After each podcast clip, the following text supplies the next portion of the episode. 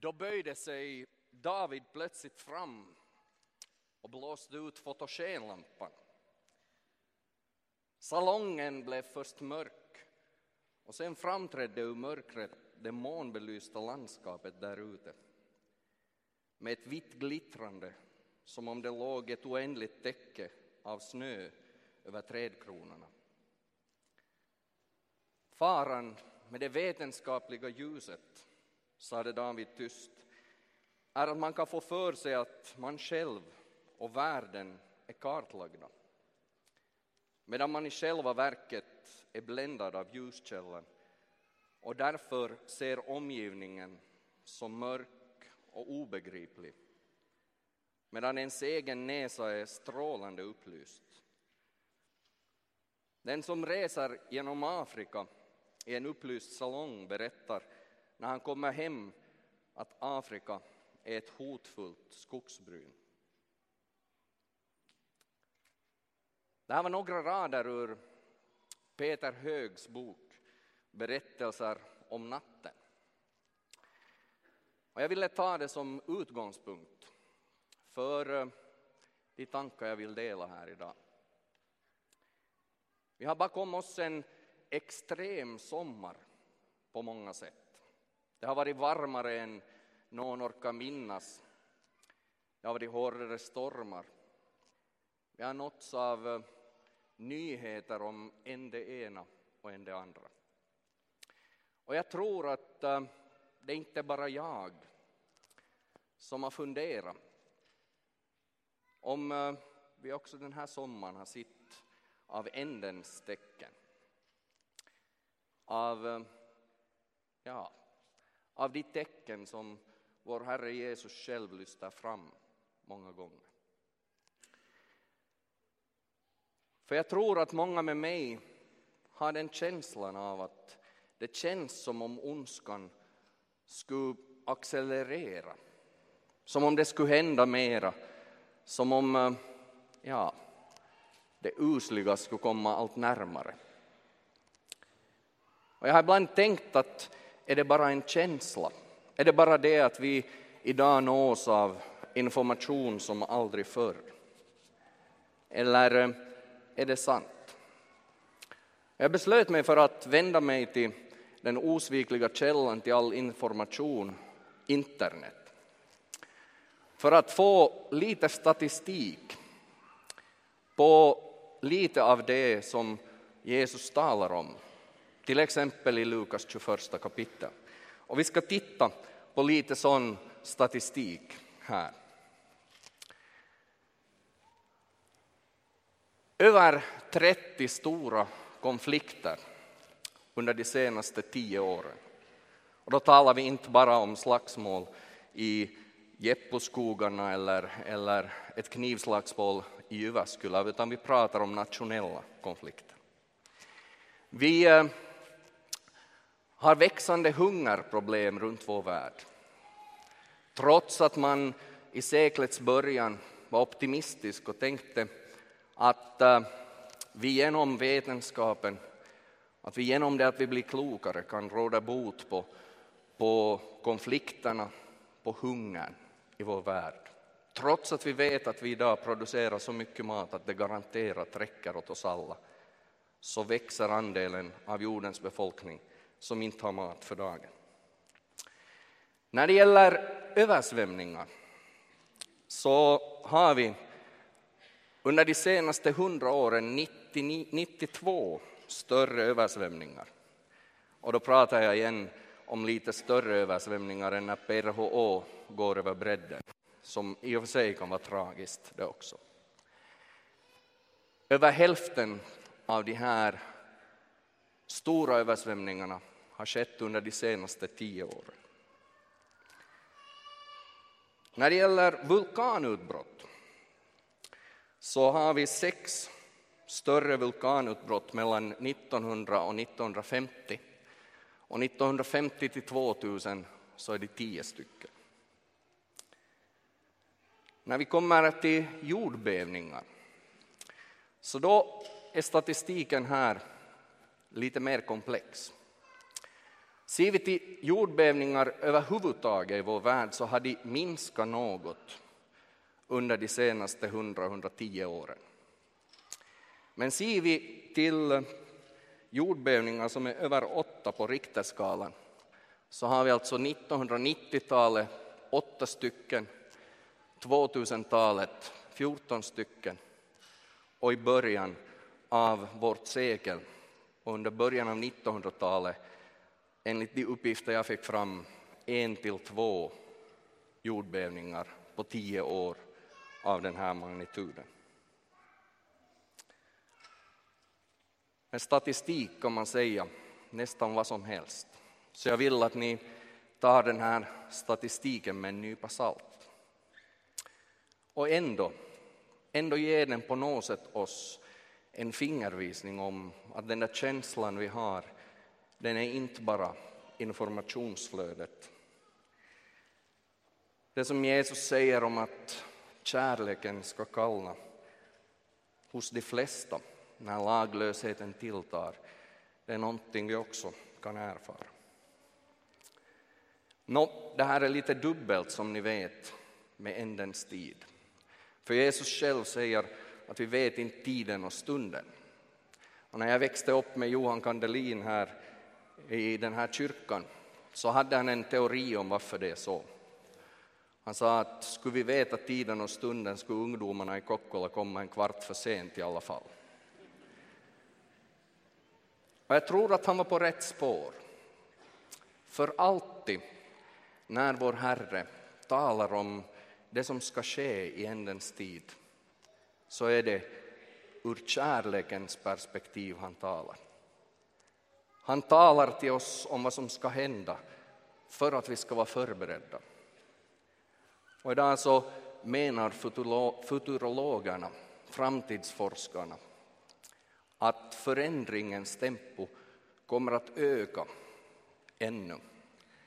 Och väldigt mycket, så mycket att, att de som klarar sig är de som kan få sig en glimt av framtiden på ett eller annat sätt och kan förbereda sig. Och det är med den kärleken som Jesus målar de här bilderna som ibland är så skrämmande för oss.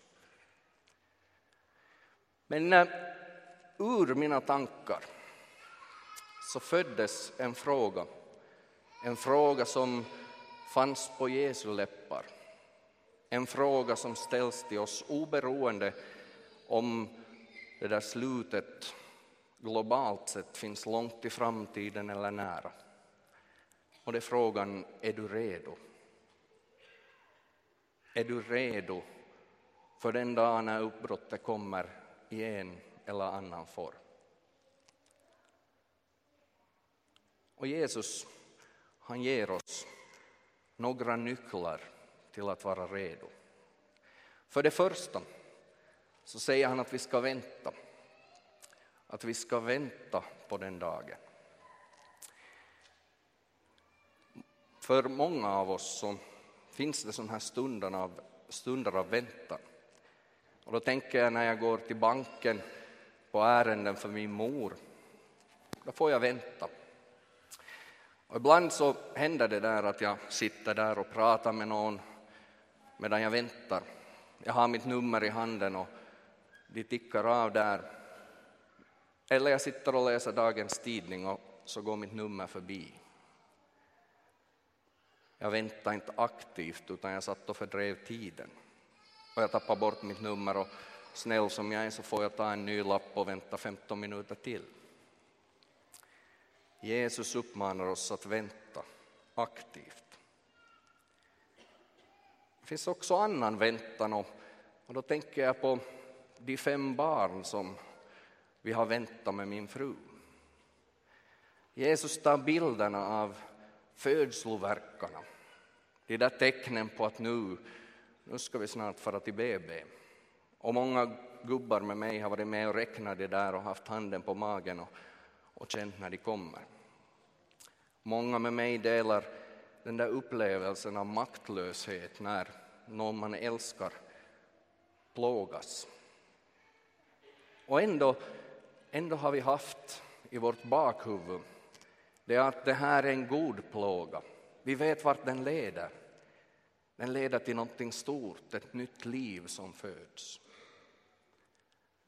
Och när Jesus tar bilden av födsloverkarna så är det inte bara för att berätta att de går allt snabbare och snabbare mot slutet utan kanske framför allt för att berätta det samma positiva verkar vi ser i vår värld idag.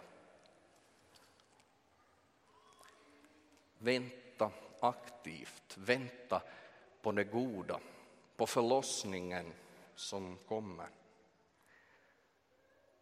Och sen uppmanar han oss att arbeta. I liknelsen om den bortresande mannen så ger han sina tjänare uppdrag. Allt efter deras förmåga. De ska ta hand om fem talenter eller tre talenter eller en talent. De får en uppgift efter sin förmåga, efter sin plats. Och så är frågan till dig och mig när vi arbetar i väntans tider. Har du hittat din plats?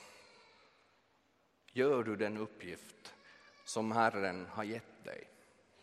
Har du tröttnat för att den kanske var lite tråkig och monoton? Och det som en del av oss präster lovade att den alltid skulle vara tjolahejsan rolig. Det kommer säkert inte som någon nyhet för dig, men kära vän, också i Guds rike så är uppgifterna ibland lite monotona och tråkiga. Det är ett verktyg som Gud använder för att forma oss, för att göra oss till det han har tänkt.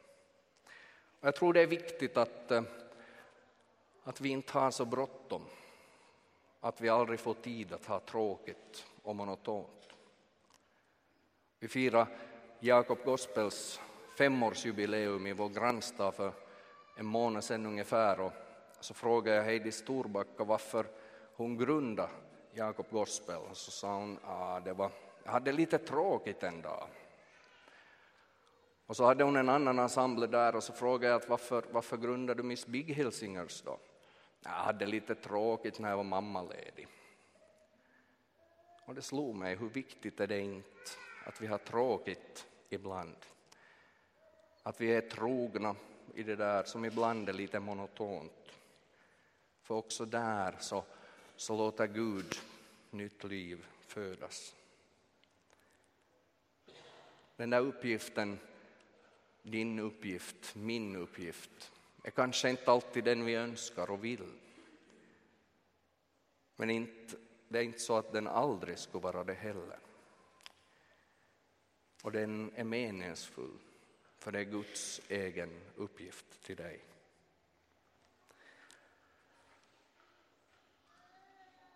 Kanske du, liksom jag, känner dig lite dubbel inför det här talet om ändens tid, om att bryta upp. Jag minns redan i min ungdom så, så var det dubbelt det där. Den där eh, ja, längtan som skulle finnas där, den var dubbel för man ville ju vara kvar här. Det fanns så mycket att uppleva, så mycket att se, så mycket att ta emot. Det fanns den där lilla rädslan för det som komma skall. Jesu uppmaning framför alla andra när vi tänker på de här händelserna är det han ger oss i Lukas evangelium. Men när det här börjar ske Reta på er, lyft upp era huvuden, ty då närmar sig er förlossning. Gud vill gång på gång, eftersom vi har lite stint i fatta, påminna oss om att han har all kontroll.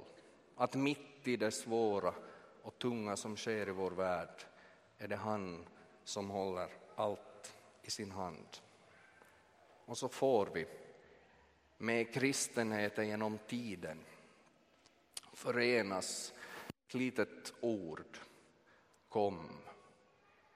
Ett ord som har motiverat till att missionera, till att nå de onödda folken, som har motiverat till att gå ut till grannen, släktingen, vännen.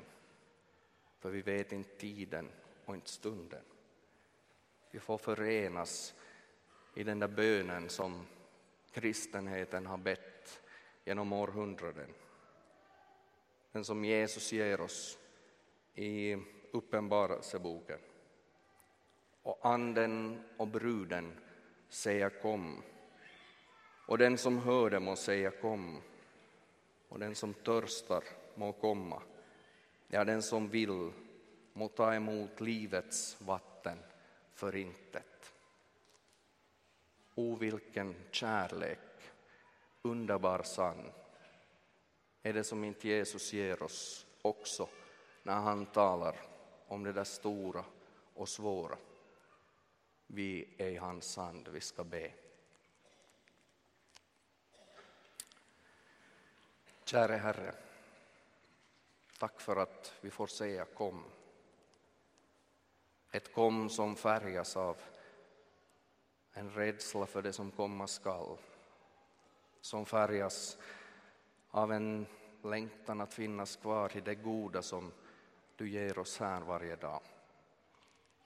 Men som framför allt färgas av eh, det underbara som du ger oss glimtar av bakom den yttersta gränsen, ditt rike, din himmel. Herre, led oss, styr oss, hjälp oss att vänta och arbeta mot den dagen. Amen.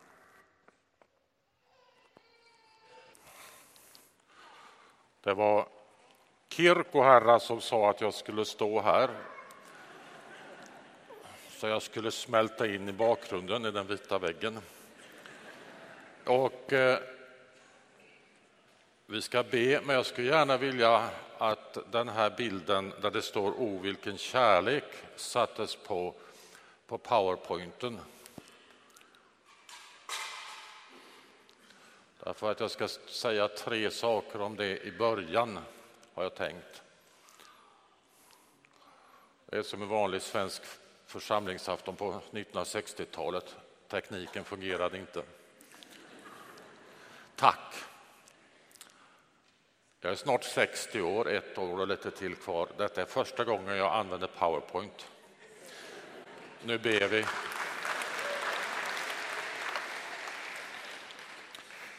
I Faderns och Sonens och den heliga Andes namn. Amen.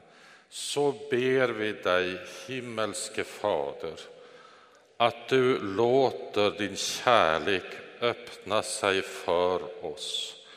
Låt din heliga Ande visa oss Jesus och låt Jesus i sitt ord och med sin kärlek stiga ner i våra hjärtan. Låt oss också denna stund genom den heliga Ande växa i kraft till vår invärtes människa så att Jesus Kristus kan bo i våra hjärtan. Amen. Jag tänkte börja det som en inledning med tre varianter på det här. Och ni får förlåta om jag är väldigt barnslig i början. Det är inte mitt syfte, det är inte ens mitt syfte att vara rolig. Men orden O vilken kärlek kan eh, ha ska vi säga, tre olika betydelser, om ni förstår mig.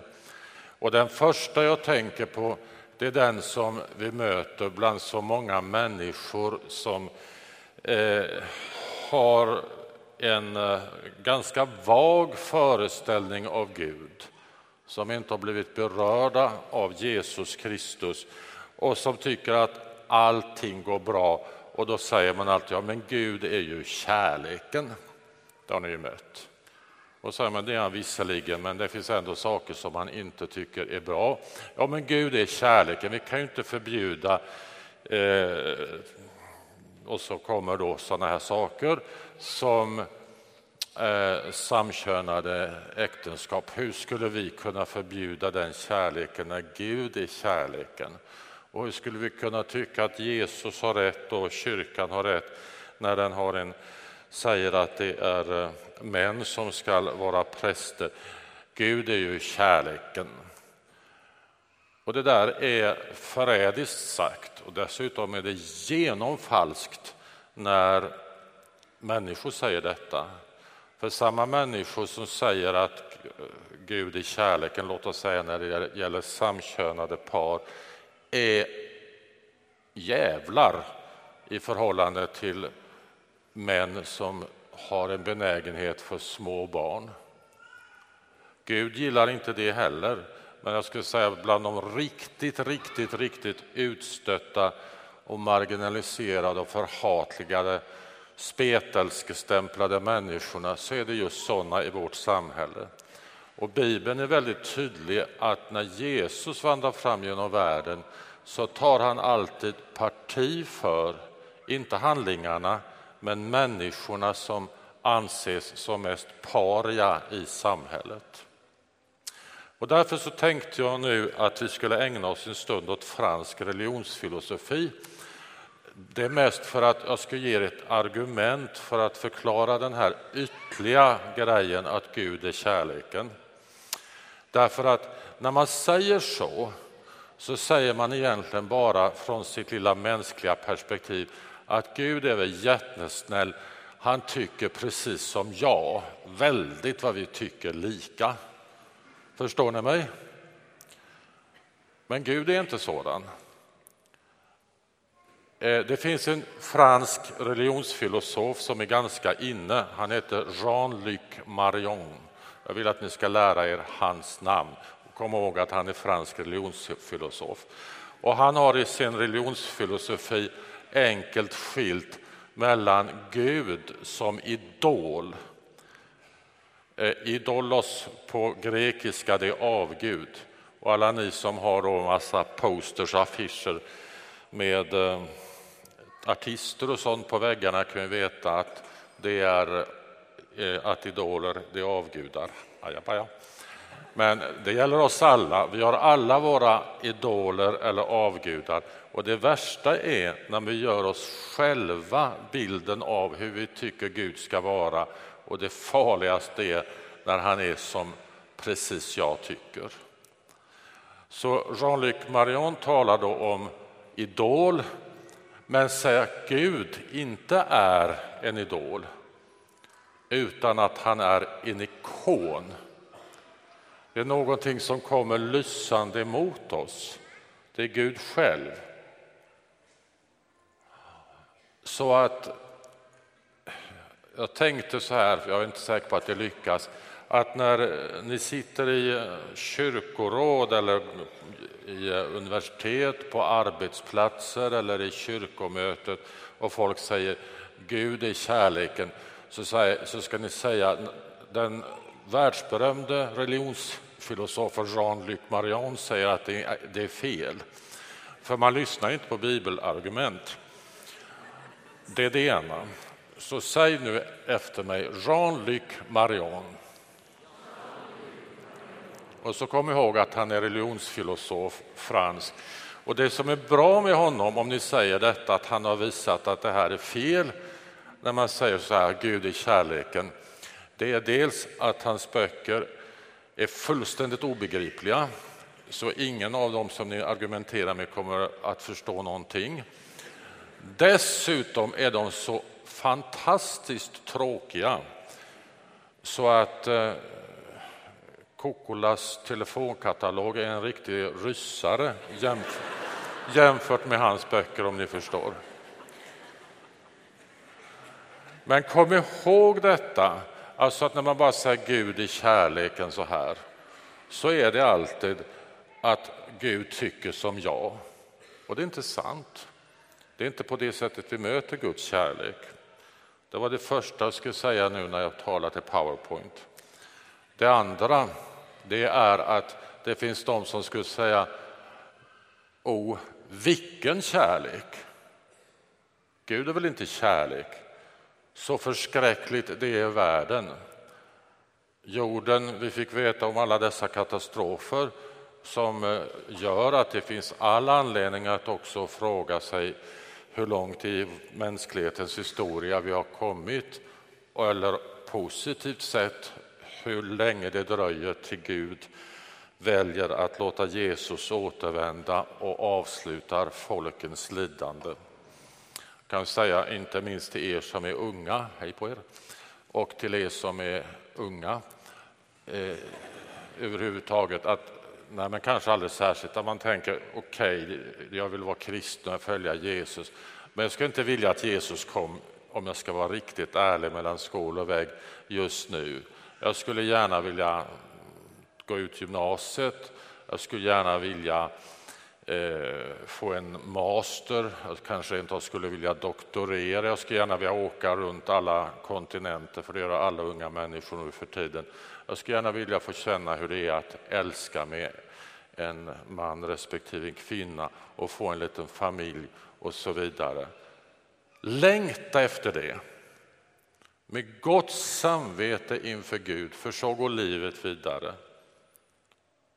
Men samtidigt kan jag försäkra att om Jesus kommer innan jag kommit till punkt tre här, och, vi, och nu är jag allvarlig, och, och, ni, och han kommer och avslutar folkens lidande, då kommer varenda doktorshatt och varenda karriär på jorden och alla glada pensionärsdagar som var en liten fis i universum som bara blåser bort inför härligheten som kommer.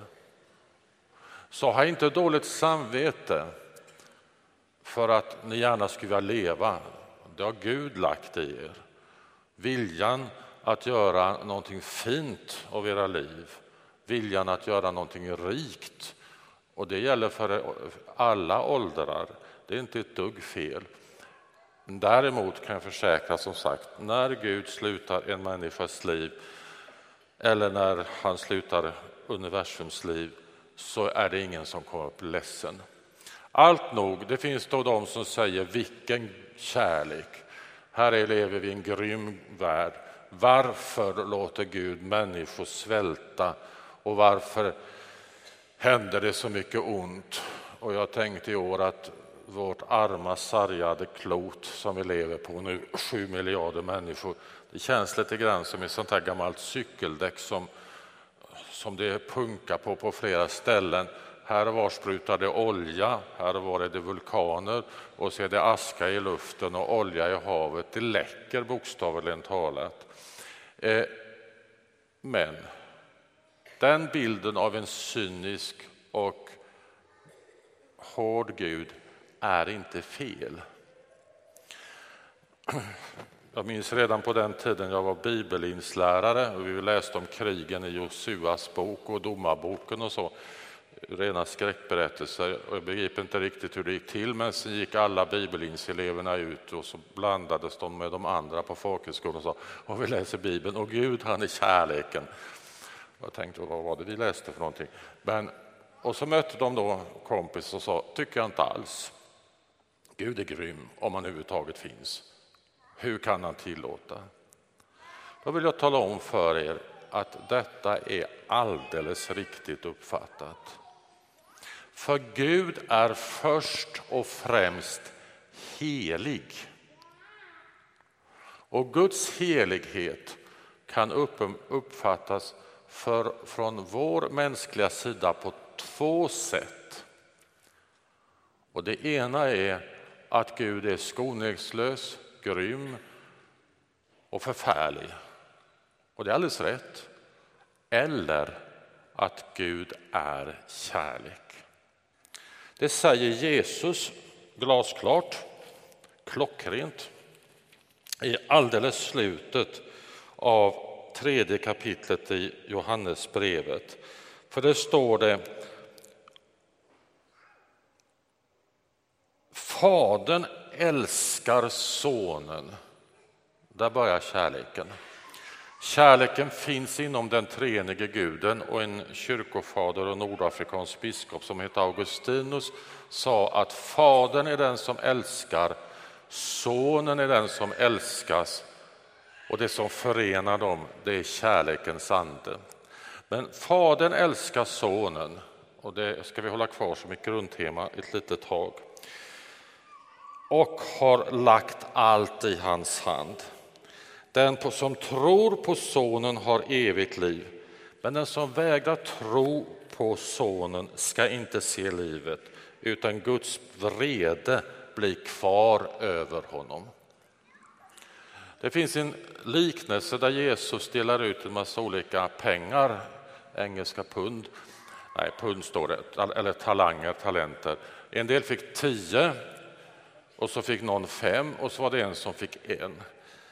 Och nu var det inte frågan om hur många de fick utan de hanterade dem. De som fick de lite större summorna fördubblade dem. Men den som fick en, han gick dyster bort och grävde ner den och sen kom tillbaka och så sa han, jag har lärt känna dig som en hård och sträng herre, här har du tillbaka din peng.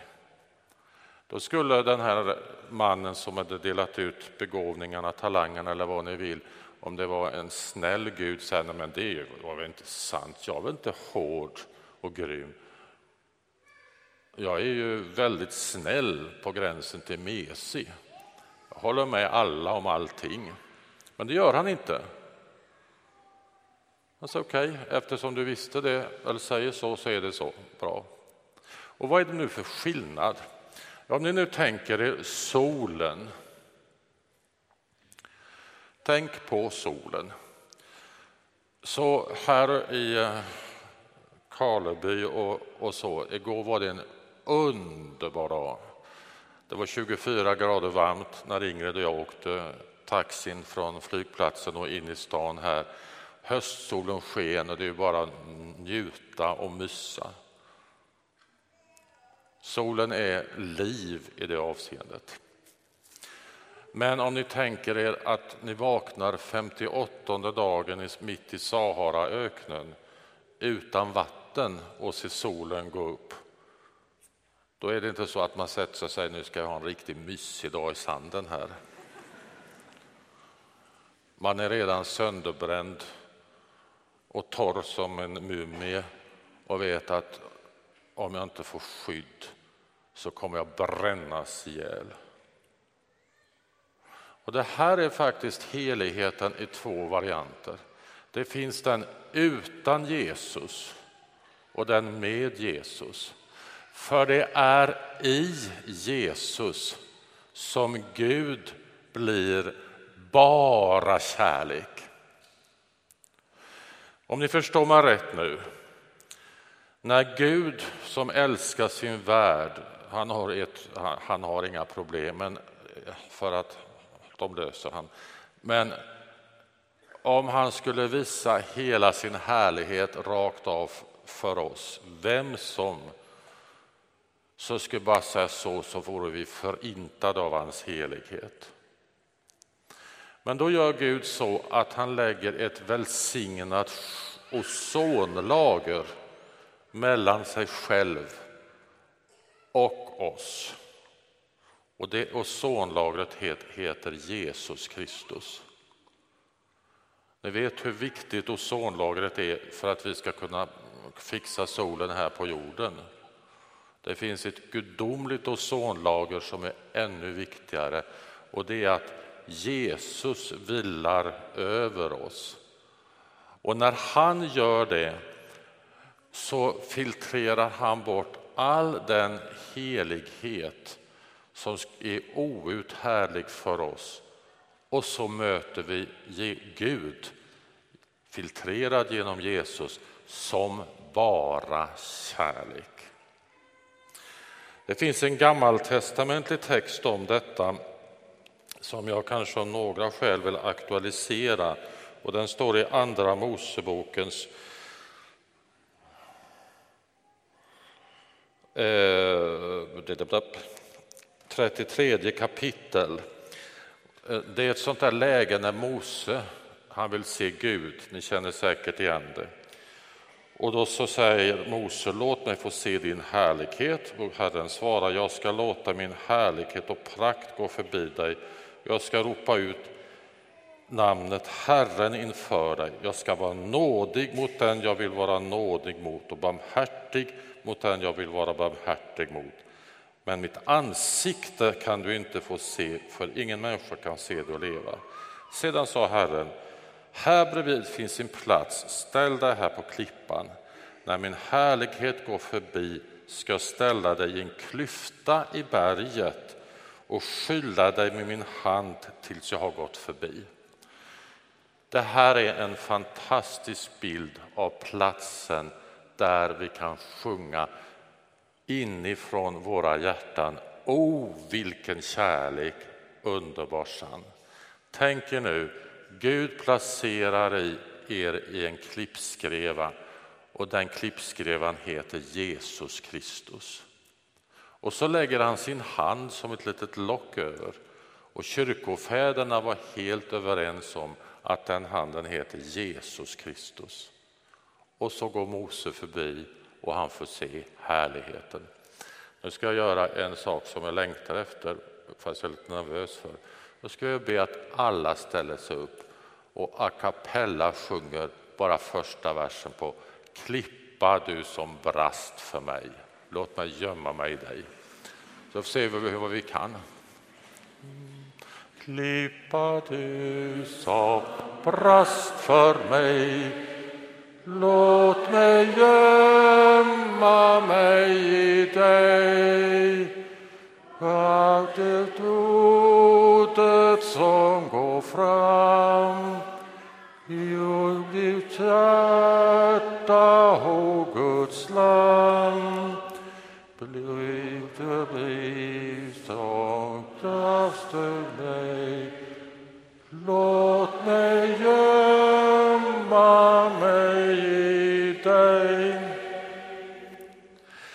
Tänk gärna på detta, att detta är platsen där vi kan vara helt trygga att vi står i den fullständiga kärleken.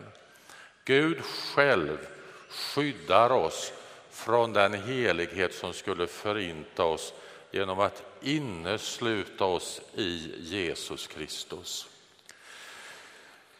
Nästa ställe som jag tänkte nämna där kärleken finns och återigen är det kärleken mellan Fadern och Sonen men den har en riktning mot oss genom försoningen.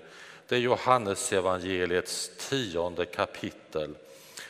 Och där står det i sjuttonde versen. Fadern älskar mig därför att jag ger mitt liv för att sedan få det tillbaka. Ingen har tagit ifrån mig, jag ger det av fri vilja. Jag skulle kunna säga att så älskade Gud världen att han gav den sin enda son. Det som Henrik nämnde som en av det lilla bibeln i morse. Men jag vill ta detta som är, ska vi säga, ett perspektiv som är fullständigt parallellt. Fadern älskar mig och därför har han därför att jag ger mitt liv för att sedan få det tillbaka. Och återigen vill jag anknyta till en gammaltestamentlig text här. Och den står i 22 kapitlet i Första Mosebok. Det var en annan fader. Han var mycket gammal och han hade länge väntat på att få en son. Och till slut fick han en son som hette Isak. Pappan hette Abraham. Och när Isak hade vuxit upp ett tag så säger Gud, gå till berget Moria och offra din son. Och Abraham han tog då ved som han la på Isaks rygg och sen en kniv och, och sen tog han eld och så sa han nu ska vi gå upp till Moria berg. För några år sedan så något sån här religiöst program på svensk tv så frågar man eh, svenska kända trendkristna vad de tyckte om berättelsen. Och självklart så sa de alldeles förfärligt, sådana ruskiga berättelser och barnamord och allting. Fy skäms på dig Gud. Men nu är det så här att Abraham fick sin son när han var hundra år. Enligt judisk tradition, och den håller faktiskt också för en bibelteologisk granskning, så är det nog sannolikt att Abraham var 133 år gammal när detta händer och att Isak var 33 år. Det betyder att i det som sker dels finns det en total underkastelse och en frivillighet ifrån Isaks sida. Och dels är det inte fråga om en grym pappa som misshandlar sitt barn därför att om någon skulle misshandla något så skulle det snarast vara eh, misshandel av överårig pensionär. Om ni förstår om det skulle bli något slagsmål eller motstånd. Här finns en samklang. Men Abraham får gå här och känna vad Gud får känna när han i kärlek till mänskligheten offrar den son han älskar. Fadern älskar mig, säger han som låter sig offras av Fadern. Och Isak bär ju då upp barnet på den klippa som sen säkert brännofferaltaret i Israel stod på eh, på tempelplatsen och där klippmoskén idag är belägen. Det är så vitt jag förstår platsen där han lägger honom. Han låter sig frivilligt läggas. Men när Abraham lyfter kniven, den gamle mannen i den 33-årige Isaks, mot hennes 33-årige Isaks bröst. Isak, Jesu ålder, 33 år, så säger Gud stopp. Innan har Isak frågat sin pappa att vi har ju ved och eld och hela kittet, men var är djuret som vi ska offra? Och då säger Abraham de stora orden Gud utser. Gud utser offret. Och det var klokare än vad han visste, därför att han var beredd att offra sin son. Han fick känna en glimt, blev en förebild i detta för hur Jesus, Fadern offrar sin son Jesus Kristus för oss. Men eh, samtidigt så fastnar en vädur i en buske där i krokarna och den lossar Abraham och Isak och så offras den. Och jag tycker den här väduren för oss nära våra hemmavarande bröder, om jag nu får dra lite i vad Henrik Paré sa. Därför att eh, jag också hört att offren i Gamla testamentet är fullbordade med Jesus och gäller inte längre. Och en av de konkreta orsakerna för judarna är att det inte finns någon plats att offra på, för det ska bara vara på i tempelplatsen i Jerusalem. Den har Gud tagit bort. Men allt nog, det offer som offerbaggen som fastnar är i den judiska fromheten det enda offer som inte människan själv bär fram, utan som Gud ger. Och när man idag på den stora försoningsdagen, som är den tionde i den första eh, kyrkoårsmånaden, på eh, försoningsdagen ber på Jom Kippur om förlåtelse så har man inga offerlamm att bära fram.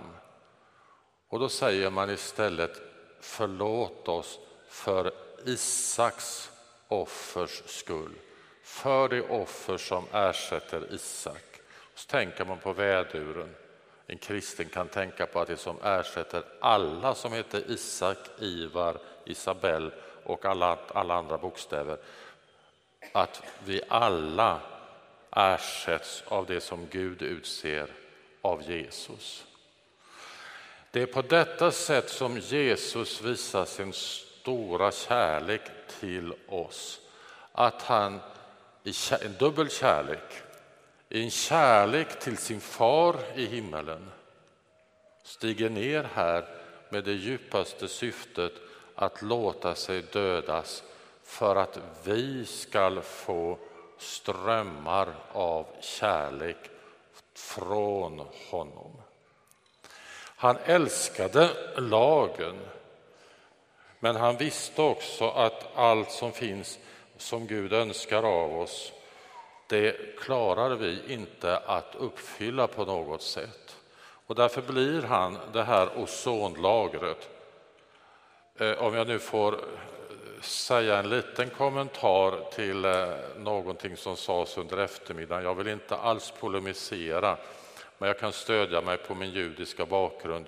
Och det finns ett judiskt talesätt som säger att om två rabbiner träffas så finns det automatiskt tre åsikter.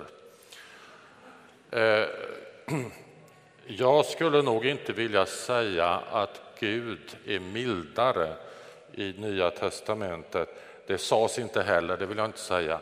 Men om man säger detta med stening så är det inte så att Gud säger i det gamla testamentet att om en man, mig, låt oss, ja, en man kränker en kvinna och våldtar henne, då skulle jag kunna säga att det ska straffas med döden. Då skulle mannen stenas. Det omvända förhållandet har vi i Nya testamentet, eller prostituerad. Varför säger Gud detta? Jo, därför att det är en sån fruktansvärd kränkning av en människa som är Guds avbild. Straffsatsen upphör inte.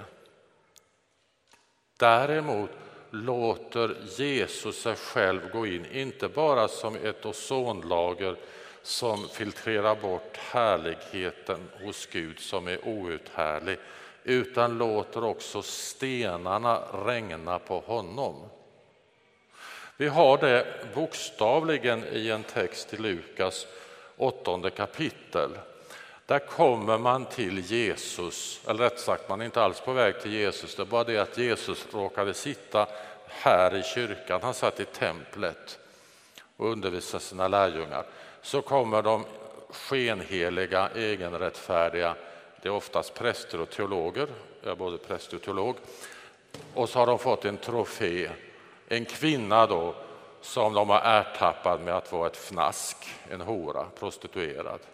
Och de är säkert på väg till, till Stora rådets eh, rättssal ovanför Nikanerporten och så ser de där sitter Jesus. Och då vet de två saker. Å ena sidan att Jesus säger att han håller lagen fullständigt. Å andra sidan att Jesus talar så mycket om den barmhärtighet och kärlek som är Gud. Så tänker de att nu ska vi dribbla bort den lilla rabbinen från Nasaret och så kommer de fram och säger här har vi en kvinna då så kastar ner henne, hon ertappar med det. Lagen säger att hon ska dömas till döden, vad säger du? Och Jesus tar inte bort stenarna ur bilden. Han säger okej okay då, den som är utan synd kan kasta första stenen. Och då är de ändå så pass närvarande i sig själva som de släpper sina stenar eller går där mumlande ifrån och så är hon kvar ensam. Och då säger Jesus till henne, har ingen dömt dig? Nej, säger hon. Inte heller jag dömer dig.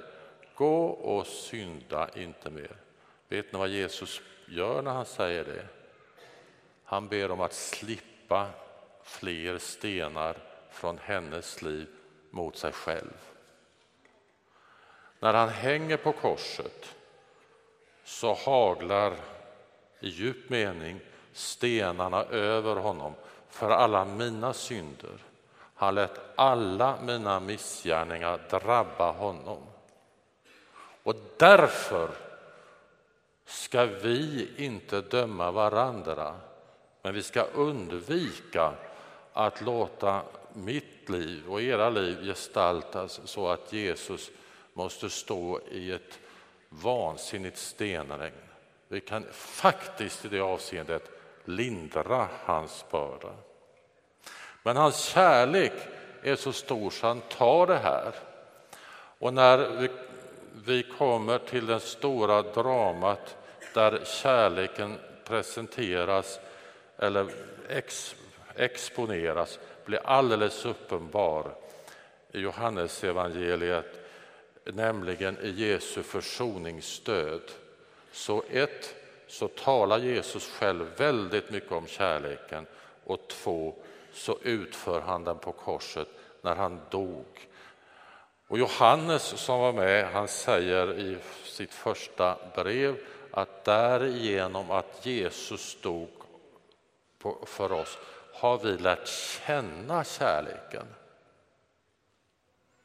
Hela detta stycke inleds med en underbar vers, eh, för det är många kapitel, i Johannes evangeliets trettonde kapitel och den första versen där det står att så som Jesus hade älskat de sina här i världen och så står det i den nuvarande svenska X2000-varianten att då gav han dem ett yttersta bevis. Nej, förlåt, han, då han älskar dem endast till slutet. Och det är fint, för det är en rimlig översättning. Han älskar dem hela vägen, man kan säga endast till sin död, hela vägen upp på tronen. Han älskar dig genom hela livet till din död och hela vägen in i evigheten. Han älskar för alltid. Men den gamla översättningen tycker jag i sig bättre om, där, som också är helt riktig. Där står det att så som han hade älskat de sina här i världen så gav han dem nu ett yttersta bevis på sin kärlek. Hans stöd i vår hjälplöshet är det yttersta beviset på hans kärlek. Och då är det inte så med den Jesus som vandrar den här vägen och förbereder det här och, och instiftar måltiden där vi får frukten av hans lidande och död på korset, att han ger det för fromma syndare, om ni förstår. Vi har så lätt att eh, gradera synder. Det vi har talats en hel del den här helgen på grund av att det är politiskt laddat om samkönade äktenskap. Själviskhet nämns i samma mening som, som eh, den sexuella synden i första Korintierbrevet.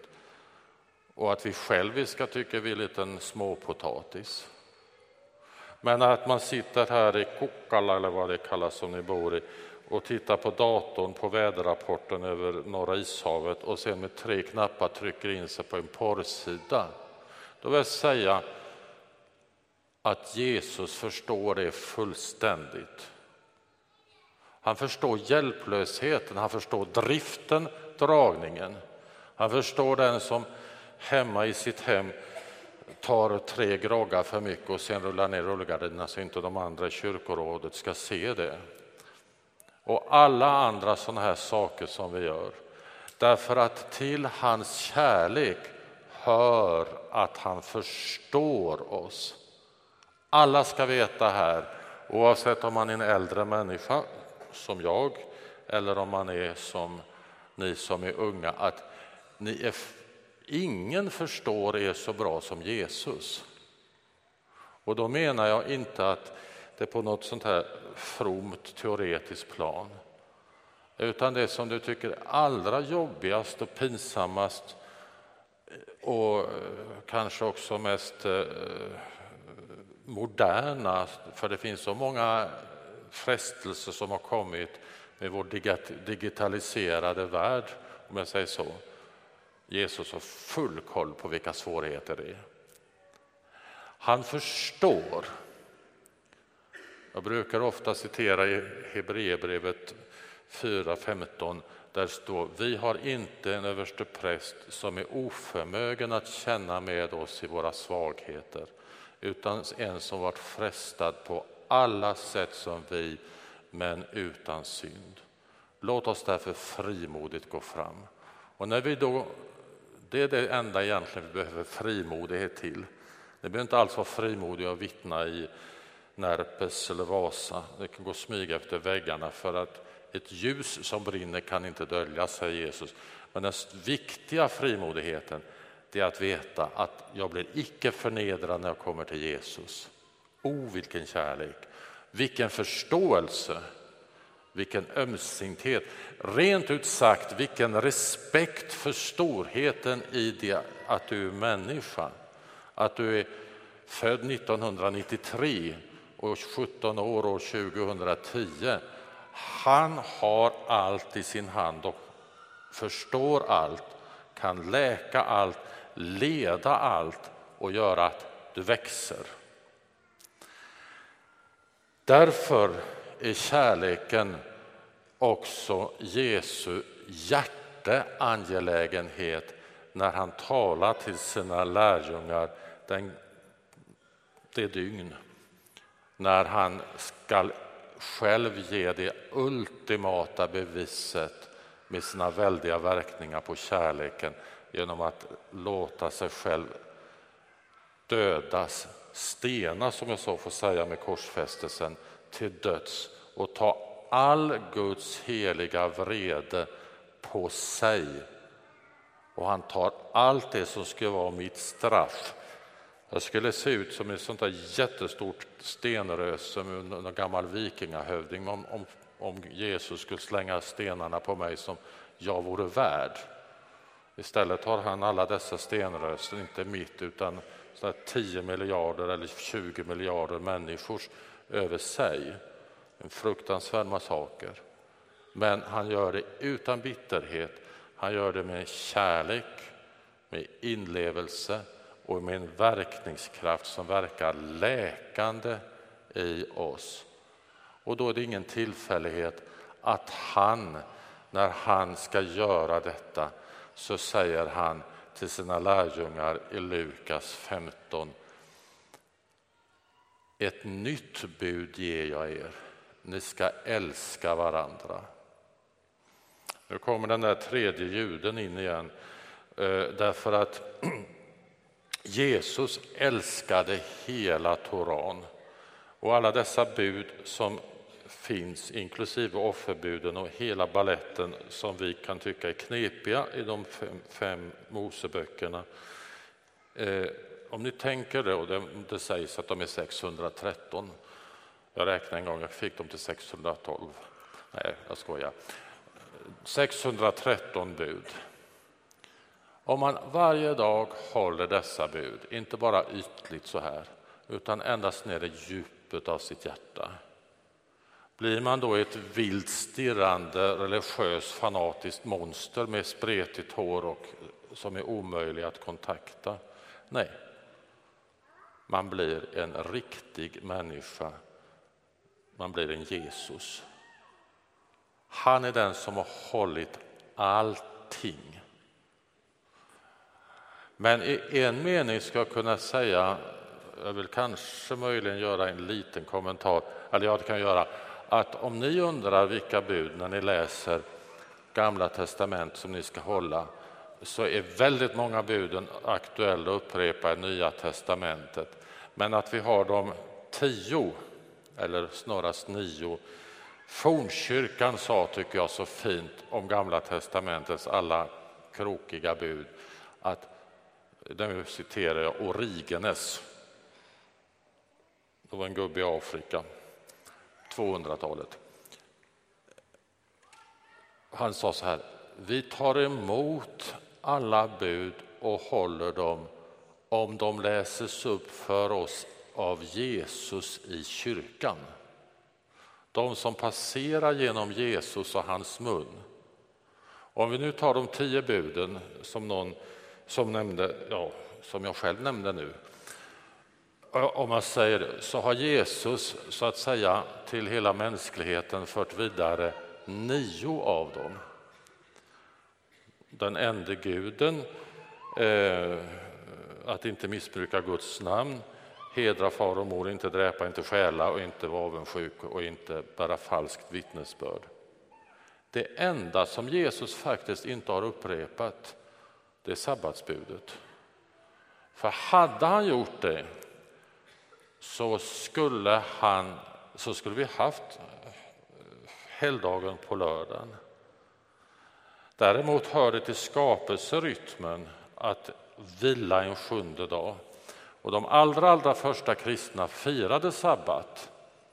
Men när det mörknade, eftersom man bör räkna nästa dag från klockan 18 på kvällen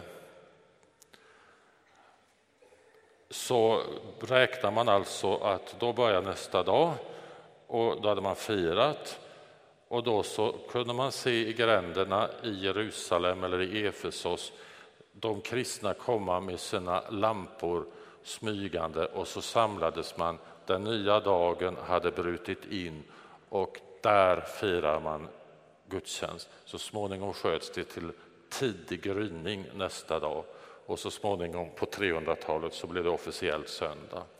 Vi har en ganska rar berättelse om det här. Eh, det finns många likheter med denna kväll. I Apostlagärningarnas 20 kapitel. För där är just en sån här, när sabbaten var slut så samlades man till gudstjänst. Och så står den i och för sig intressanta upplysningen att många lampor var tända i salen. Jag vet inte hur många lampor vi har här, men det är inte det som egentligen är syftet när det står. Utan det som är syftet är att här har de gått med sin lilla lykta då i gränderna och så kommit in och satt sin lilla lampa, så varje lampa var egentligen en människa med lykta. Och nu blir jag lite nervös för att det står att Paulus predikade så länge och så råkade, det är ingen som sitter i något fönster va?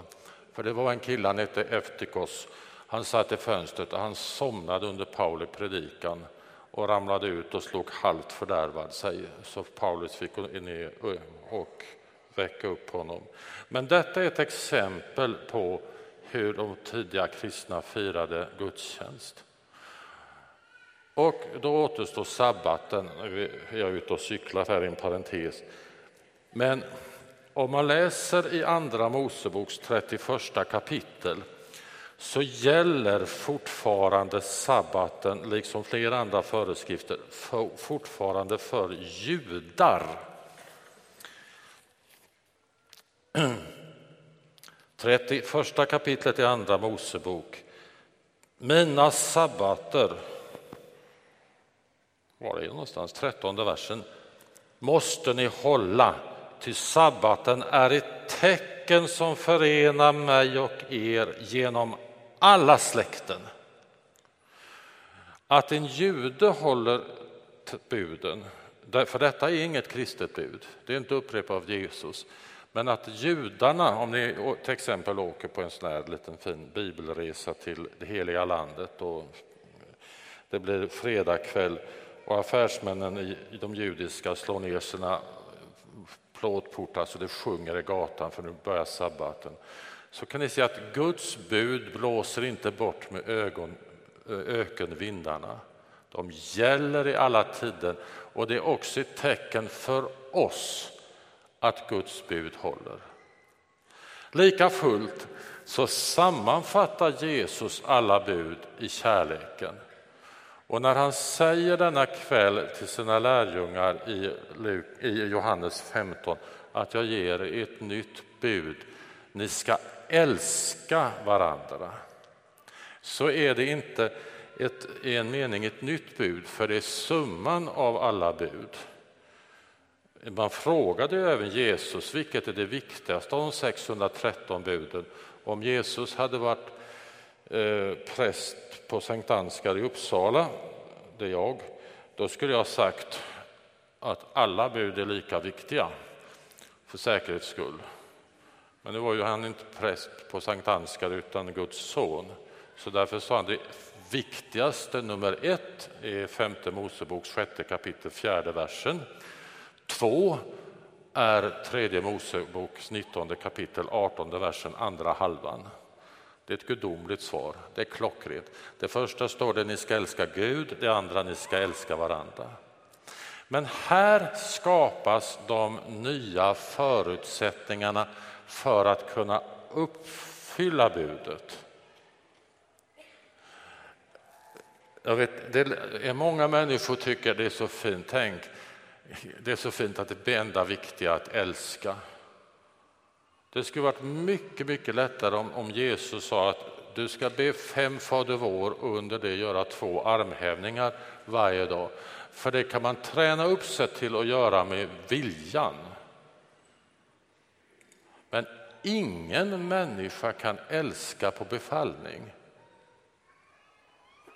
Om jag ser någon kille och tjej i Uppsalavärlden vet att killen är jättekär och, sitter och deppar på sitt rum och tjejen, kärleken är obesvarad så kan jag ju ta en k-pist och sätta ryggen på henne och gå in och så säga gå in och säg att du älskar henne. Jag älskar, älskar, älskar, säger hon så här. Men upptäcker han k-pisten så dör hela kärleken för att kärleken kommer inifrån. Och vi kan inte älska på befallning. Men nu när Jesus inleder mässfirandet så ger han oss ett bud som är möjligt genom hans kärlek att uppfylla, att älska varandra. Och Johannes som var med den här kvällen, han skriver så mycket om detta i tredje och fjärde kapitlet i eh, sitt första brev om hur kärleken kommer från Gud. Och därför så ska vi göra egentligen bara en sak nu, eller återvända, för många har gjort det, och det är att stå, låta oss ställas i strömmarna av den kärlek från Gud som kommer genom Jesu Kristi försoning. Om den som man på djupet av sitt hjärta, när man anar en glimt av den, kan sjunga O, vilken kärlek, underbar sann, aldrig har någon älskat som han. För det är så, och där finns det ingen skillnad mellan människor. Fängelsekunder eller domare, ingen skillnad på något sätt. I denna kärlek vill han innesluta alla, han vill genomskölja alla och då fylls vi med kärleken. Och den första som så att säga är värd när han säger budet att vi ska älska varandra, att få kärlek, det är han själv. Och jag tror att det är rimligt att sluta i det. För det brister ut människor i den kärleken eh, redan innan korset. Och jag tänker på två kvinnor, ibland brukar man säga att de är samma, men det är två olika dimensioner i det hela.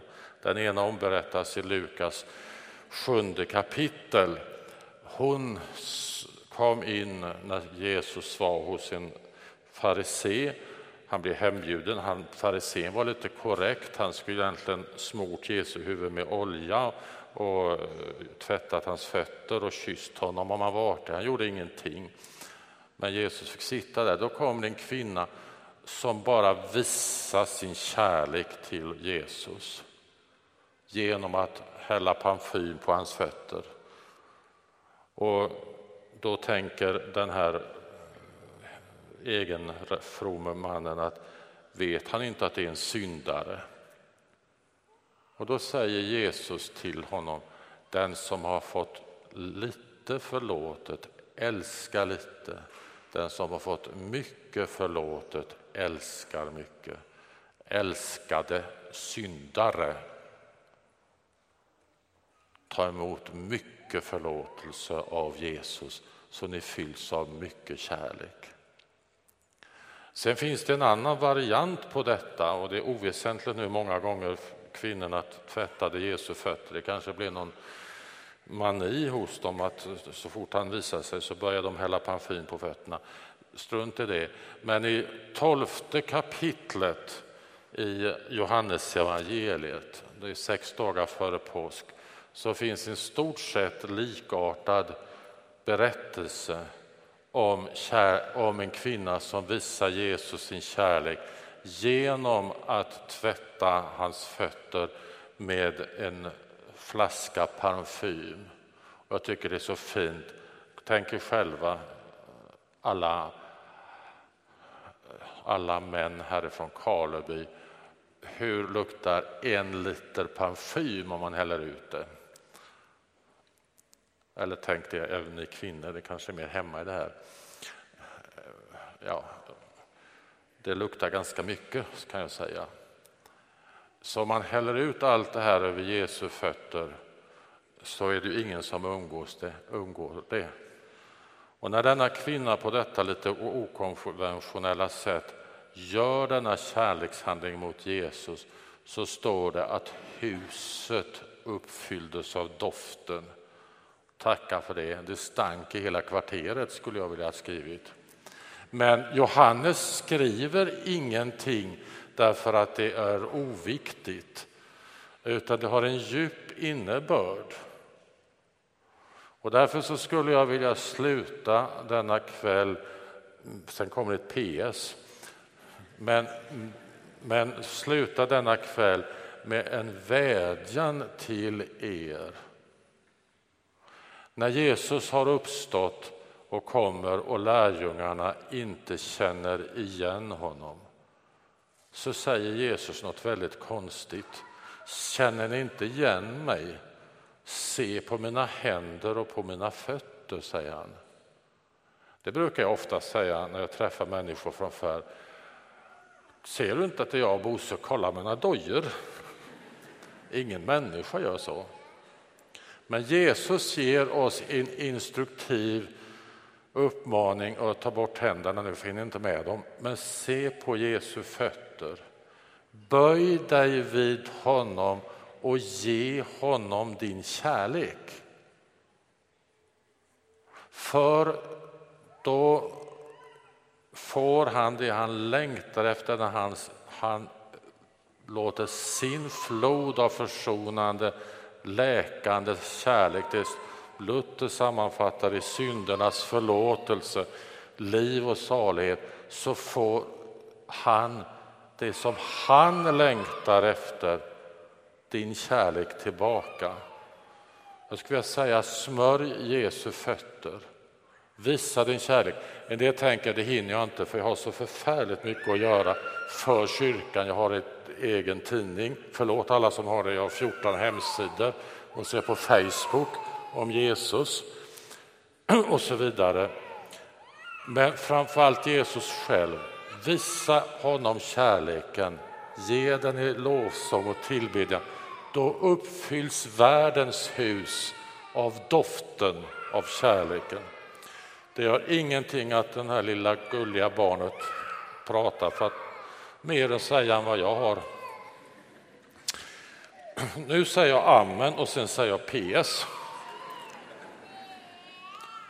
Jag hoppar över ordet, jag hoppat över ordet o. Men vilken och kärlek har pratat om. Men så är det två ord som jag inte fick med på min nya powerpoint-presentation. Och det är underbar sann. Och jag vill säga någonting om sann. Jesu kärlek, liksom det han har gjort, liksom att han är och hela Guds ord är sant. Det är ingen önskedröm, det är inget falsarium, det är en verklighet. Och jag vill ge två perspektiv på det här med sanningen. Och det handlar inte om att, att förminska det som vi kanske först tänker på, att det är korrekt information. För detta att Jesus har fötts av jungfru Maria, att han vandrat i vår värld som Guds son och sann människa, att han har lidit och dött för våra synder och att han har uppstått, att han sitter på härlighetens tron och att han ska komma på tillbaka. Det är som Luther säger visserligen sant. Men i den judiska fromheten betyder sant eller sanning någonting annat eller någonting mer. Det hebreiska ordet är ämet. Ämet består av den första, den mittersta och den sista bokstaven i alfabetet. Och då tänker den fromme juden att det som är sant, det gäller från evighet till evighet och det gäller nu. O, vilken kärlek, underbar sann. Det gäller från evighet till evighet och det gäller nu. När Jesus om sig själv säger jag är vägen, sanningen och livet så är det inte att han är världsmästare i Jeopardy eller något sånt. Utan det som det handlar om, det grekiska ordet aletheia, det är jag är verkligheten avslöjad. I mig ser du den sanna verkligheten.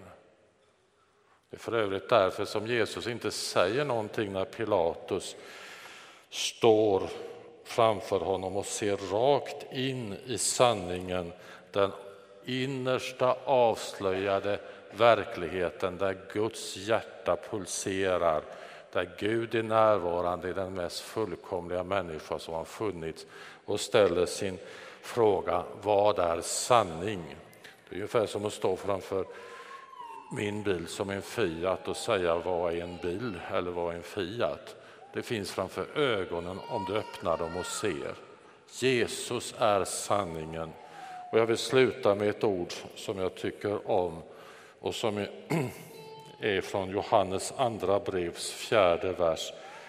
Och som jag skulle